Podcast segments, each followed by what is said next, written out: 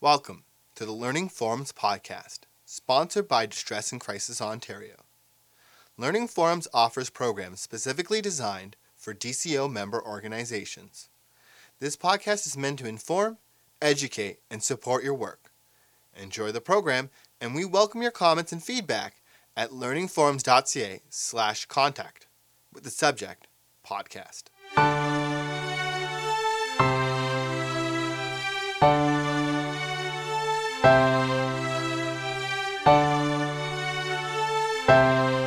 My name's Yvonne, Yvonne Bergmans. I'm a suicide intervention consultant at the Arthur Sommer Rotenberg Chair in Suicide Studies, where my work is involving clinical, educational, and research uh, with people who have had two or more suicide attempts. So I work with people in the context of a group intervention that we have, as well as uh, in, in individual sessions for some of our research projects. Um, I am accessible to care providers, and all clients have to do is just call me. And then if we have a group running or one coming up in the near future, then I do my best to bring them in. Very, very few people do I turn down. It's around the behavior that I accept people versus what their diagnosis is. So, just so that you know that. And that's an important piece because when we're looking at suicide, or self injurious behavior, otherwise known as self harm. Borderline personality disorder is the only labeled disorder that has suicide related behavior as one of the criteria for the diagnosis. So, when we're talking about some people identifying that they've been given the diagnosis and they don't agree with it, sometimes it's because the diagnosis for that person has been given in a crisis situation where they have hurt themselves. And so for these people, it's really important to say, you know, sometimes the diagnosis gets made, um, you know, in the spur of the moment, and it might be around the self injury because it is one of the more stigmatizing diagnoses for some people, and they get very upset. Um, I don't know if you've had phone calls from people who have said, you know, I just got diagnosed with, and uh, identifying, you know, it, it's been given a lot of pejorative names as like we have a lot of diagnoses that have stigma attached to just having mental health issues, but then when we add that particular diagnosis, it seems to be one of the more stigmatized within the, the number of labels. So when people talk about I'm self harming, it's really important to not confuse that automatically with a suicide attempt. The only way we're going to know the difference is we're going to ask. And the person is going to tell us. And the self injury is a behavior that does not include body modification. So I don't know if any of you have traveled to Europe recently, but I, I, I was struck a couple of years ago by the number of people I saw who engage in scarification as an art form. And that's where folks are cutting or get cut in the name of art, and it creates patterns and designs on their body. Other people will have tattoos or piercings. Some people talk that as a way to interrupt hurting themselves through self injury or self harm. And so I will have clients who will come and say, I just got four new piercings, Yvonne and it's about keeping themselves safe, which I find fascinating. You know, I have a number of people who will say, I'm getting tattoos and they're multicolored, and that's to honor the scars that I have because I don't want to do this anymore. Right? So when we're talking about self injury, it's a deliberate behavior that people engage in. And it's got an effect for the individual that only they can tell us what it does for them. For some people, it is about suicide. For some people, it's suicide interruption. For some people, it's along a continuum, right? So it starts with self injury and then moves on to a suicide attempt. Some people will talk about suicide attempts and self injury being two separate methods that they use. We don't know unless we ask. And there are times when people will talk about not knowing the difference themselves. And so having a little bit of a discussion about is this, you know, what is this doing for you? How is this helpful for you? Is a way to have them more clearly articulate what's going on and how it is related to or different from suicide attempts. So I often will look at suicide or at self-injury as a coping strategy, a maladaptive coping strategy that people are using in order for some to keep themselves alive. Most often, people will talk about it decreasing the intensity of whatever the affect is that they're feeling. Right? For some people, they'll talk about it is the external expression of what's going on inside that people don't understand. And so it's a way of saying, help me, I don't know what else to do. And some people will tell me that it's about punishing themselves because they feel that they're bad or that they've what they're doing is in fact taking control so at least they're hurting themselves versus someone else hurting them. So it can have different meanings for all sorts of different people and we can't decide what it is. Um, it's more often than not a way of coping with the emotional pain. And we talked about alexithymia previously, that sometimes the self injury is the only voice that the person knows how to use to express the intensity of their pain. Does that make sense? I think that what often happens for many people is they learn ways of coping in childhood. And I've had a number of folks who have actually talked about beginning to self injure and remembering that they were self injuring at the ages of four and five. I've also had a lot of people talk about it happening in high school when they started moving into uh, late latency, early adolescence that you know they came upon it either through a peer network, through friends, or just accidentally. You know, um, and then just continued the behavior because they felt that it was doing something for them. So when I talk to people about suicide and I talk to people about self-injury, I talk with them about keeping as safe as possible. It is always their choice what they choose to do. I can't take it away from them. I can't make them do anything differently. So my conversation is going to be, this is helping you feel whatever it is that they tell me it's hoping that there is going to do for them. So are there any other things we can try before you get to that? Is there a way in which you can engage the behavior that is less harmful for you and still give you something of the effect? Right? So what we're looking at is decreasing the lethality or the dangerousness. Holding ice cubes, taking a freezing cold shower. For some people, the elastic band pulling, you know, that kind of thing. To give them some intensity of pain, which they don't necessarily recognize as pain, uh, without causing major damage to themselves. And then there are people who will say, no, I have to do something in order to go to the hospital, in order to be believed, in order for somebody to take care of me. Right? So again, ask what it means and how do they perceive their level of risk. Because one of the things that some people have told me is that they're not aware of the fact that either in a suicide attempt the risk wasn't high enough. They just were doing this because they thought they were going to die and came out of it. Right? And then sometimes they'll say, well, I ended up in a merge and all I did was, you know, I overdosed to sleep or I cut myself and suddenly I'm being told that, you know, a couple more minutes and I could have died. I was only looking for some relief. Right? So accidents can happen. So we try to do as much education as we can about what are the limits and how do you understand those limits and how can you do this safely.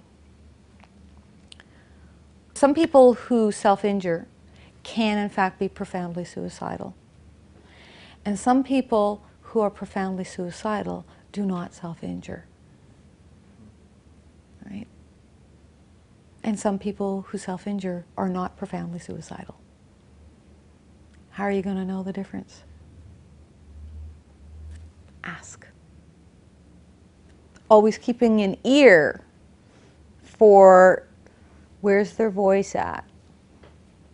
Are they convinced about this? And there are times I will say to somebody on the phone, if I can't actually see them, Are you just saying that to shut me up? Or hoping I'll go away? And they'll go, Yeah. I go, Okay, let's start this conversation over again. Go, Oh, all right, caught. Yes, you're right, you're caught. You know, uh, a little bit of humor can be very helpful as that because it's also understood as being non-judgmental and you're treating the person as a person in pain and a real person. You know, um, my clients often tell me that they don't want to be pitied, they just want to be believed and they want to be treated like a functioning human being or a person with a brain, you know, even if you are in crisis. The most common forms of self injury can be cutting, burning, head banging, uh, biting, skin picking, hair pulling. And there are people who will engage in different forms of self injury at different times. Again, know and ask, or ask them if they know what the difference is for some people. Because there are people who will talk about head banging when they're in a dissociative state um, and only wake up recognizing that they have bruises all over their heads or have a headache and not realize that they had done it. Uh, so, again, do they have any indication of, of saying what this does for them? And is it, in fact, bringing them to the present? You know, do they feel themselves slipping away and then this brings them to the here and now? So it could be regulating dissociative states. It could be a reenactment of some earlier trauma and they're taking back control by saying nobody else can hurt me.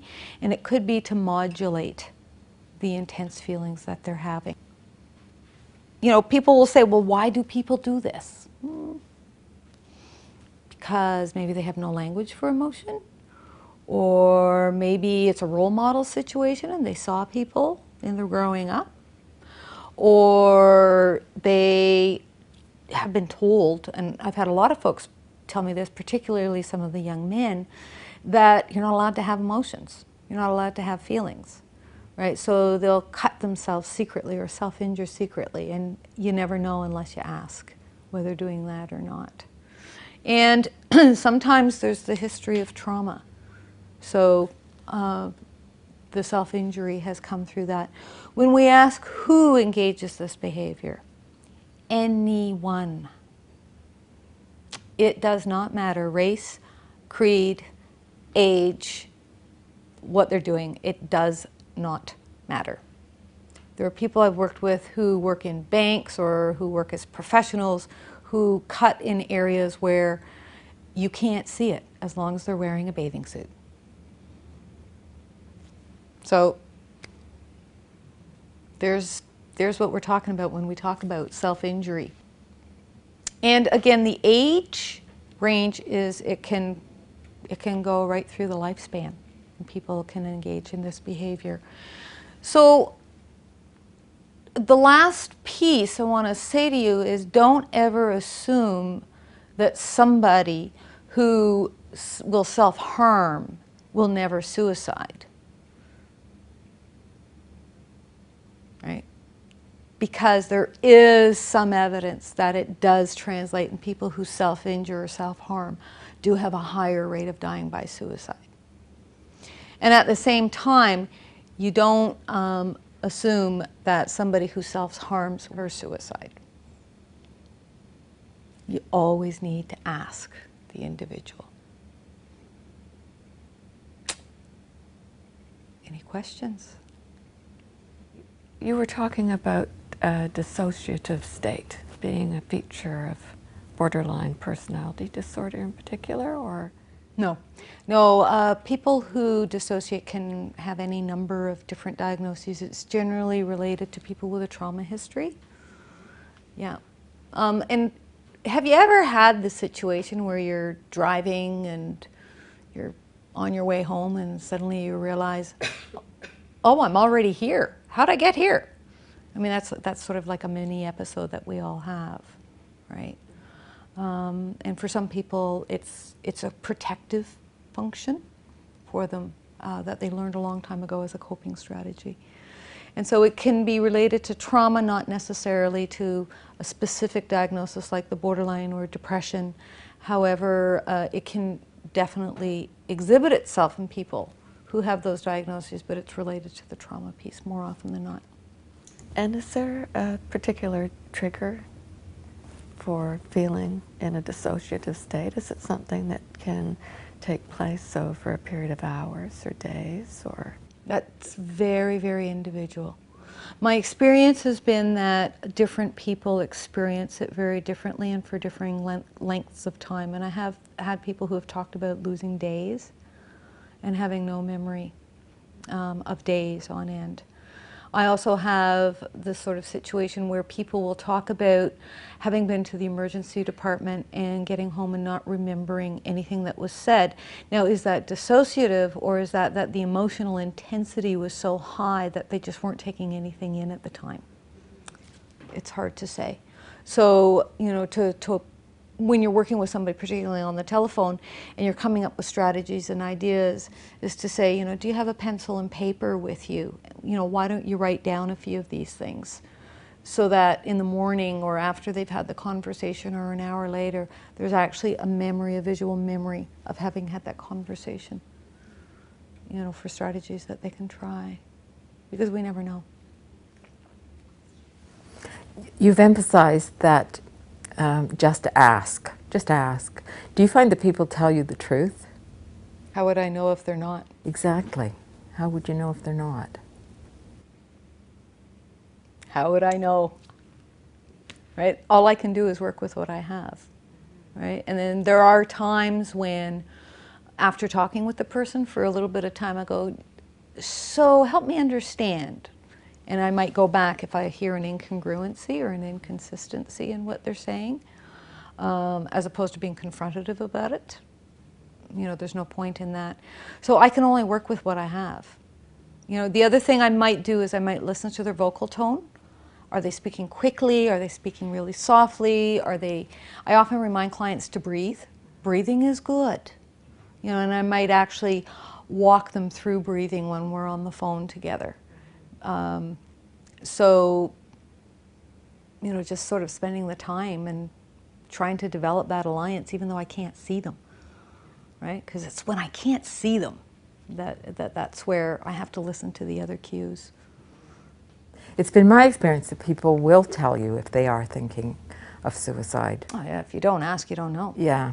But I know somebody whose son uh, completed suicide, and she said that he was really sneaky and wouldn't tell her the truth mm. if she asked. So I guess it depends. Yeah, yeah. We never know, do we? Mm-hmm. We have no idea. We can only work with what we know. And we can't keep second guessing because if we believe the person's not quite telling the truth, then what value is it to call a person a liar? Oh, no.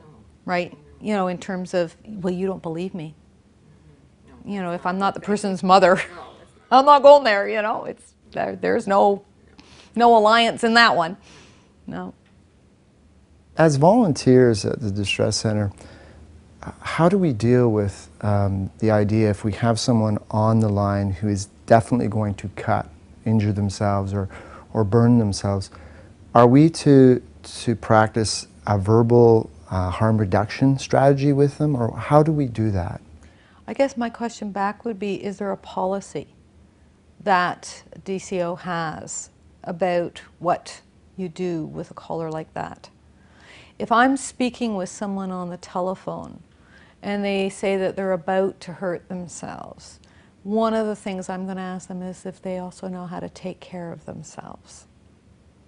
And what do they have to take care of themselves? Um, and I'm also going to look at, at the history of, of what it what they've done in the past and what and how they have taken care of it. Again, are they telling me the truth? Will they be saying something just to get me off their back? Mm, I don't know. I will remind people, though, you called me asking for help. I'm giving you the kind of help that I know. Is there something else that we would be more helpful right now? And then they'll just say, well, I need to cut. And then you need to decide where you go with that in terms of your own policies. Does that Yes, it does. answer anything for you? I mean, it feels like a loosey goosey answer. No, because it's, it's very subjective. I think I, I I would myself want to do move them away from harming, obviously, but I also understand that in some cases, regardless of what I will say, they will they will harm themselves. And being somewhat of a harm reductionist, I would want to go on that line. But I think I think we I would have to know the policy as well of the Yeah. of the centers. Yeah. Well, the other thing too is if somebody says, "Well, I'm going to cut or I'm going to burn," the question back to the individual is, "What will that do for you? How is that going to be helpful for you?" Well, it might help to stop these voices in my head telling me to hurt myself. Okay, so those voices in your head, why do you think they they're, they're telling you to hurt yourself? Well, because I'm a really bad person. Okay. So, because there's a voice telling you you're a bad person, you need to cut. Is that to cut the voice out? Or are there other feelings that you're experiencing as well? How will this be helpful for you? And what I'm going to try to keep going at is I'm going to try to go for what is the emotion the person's experiencing and how can we look at de escalating that in as safe a way po- as possible. You know, and then there are times when they say, "Well, thanks very much, but I'm going to do it anyway," and then we're going to do the first aid questions. um, if you encounter someone that um, self harms, usually as a way to cope with whatever situation they're going through, um, but it kind of escalates whether one time or it keeps escalating um, to a point further to which they planned. What do you say to that person? How do you help them or help them out to kind of bring them back down and then eventually bring them back to, I guess, normal? It depends on the self injury uh, and what they're doing. because, you know, if, if they are really yelling and screaming and saying, you know, I'm bleeding, I'm bleeding, I'm bleeding, I'm bleeding, then I'm not going to spend a whole lot of time just talking. Uh, I'm going to I'm going to want them to get medical attention really quickly. When they, you know, sort of calmly say it, it got out of hand, I'm going to say it sounds like you were looking for a little bit of control, and in some ways you kind of lost some control. And how can we go back toward taking a step so that you're back in a little more control? Right? Because for a lot of people, to, the feeling of being out of control is extremely frightening. So, you know, are you bleeding? Are you hurt? Um, if they say they took more than they anticipated in terms of medications, then uh, I will ask, can you get to a hospital safely, or do you need somebody to come and escort you and get you there? You know, um, I have had the situation where I've, I've been on the phone with someone and they say, no, no, no, I'm fine. And I have intentionally stayed on the phone with the individual for a longer period of time. And then once I hear the slurpy speech and they're slowing down, and then I call 911. Right? So it's, it's, you know, responding to the, if they're too quick to answer, oh, no, no, I'm fine, I'm fine, I'm fine. No, I don't want the police here. And I'm going to be holding on to them a little bit longer, uh, particularly if it's around having taken or ingested a substance. It's hard to say with the bleeding, et cetera, because people You don't know. you can't see it. You know, so, well, are you sure you don't need stitches? Oh, no, no, no, I'm sure I don't.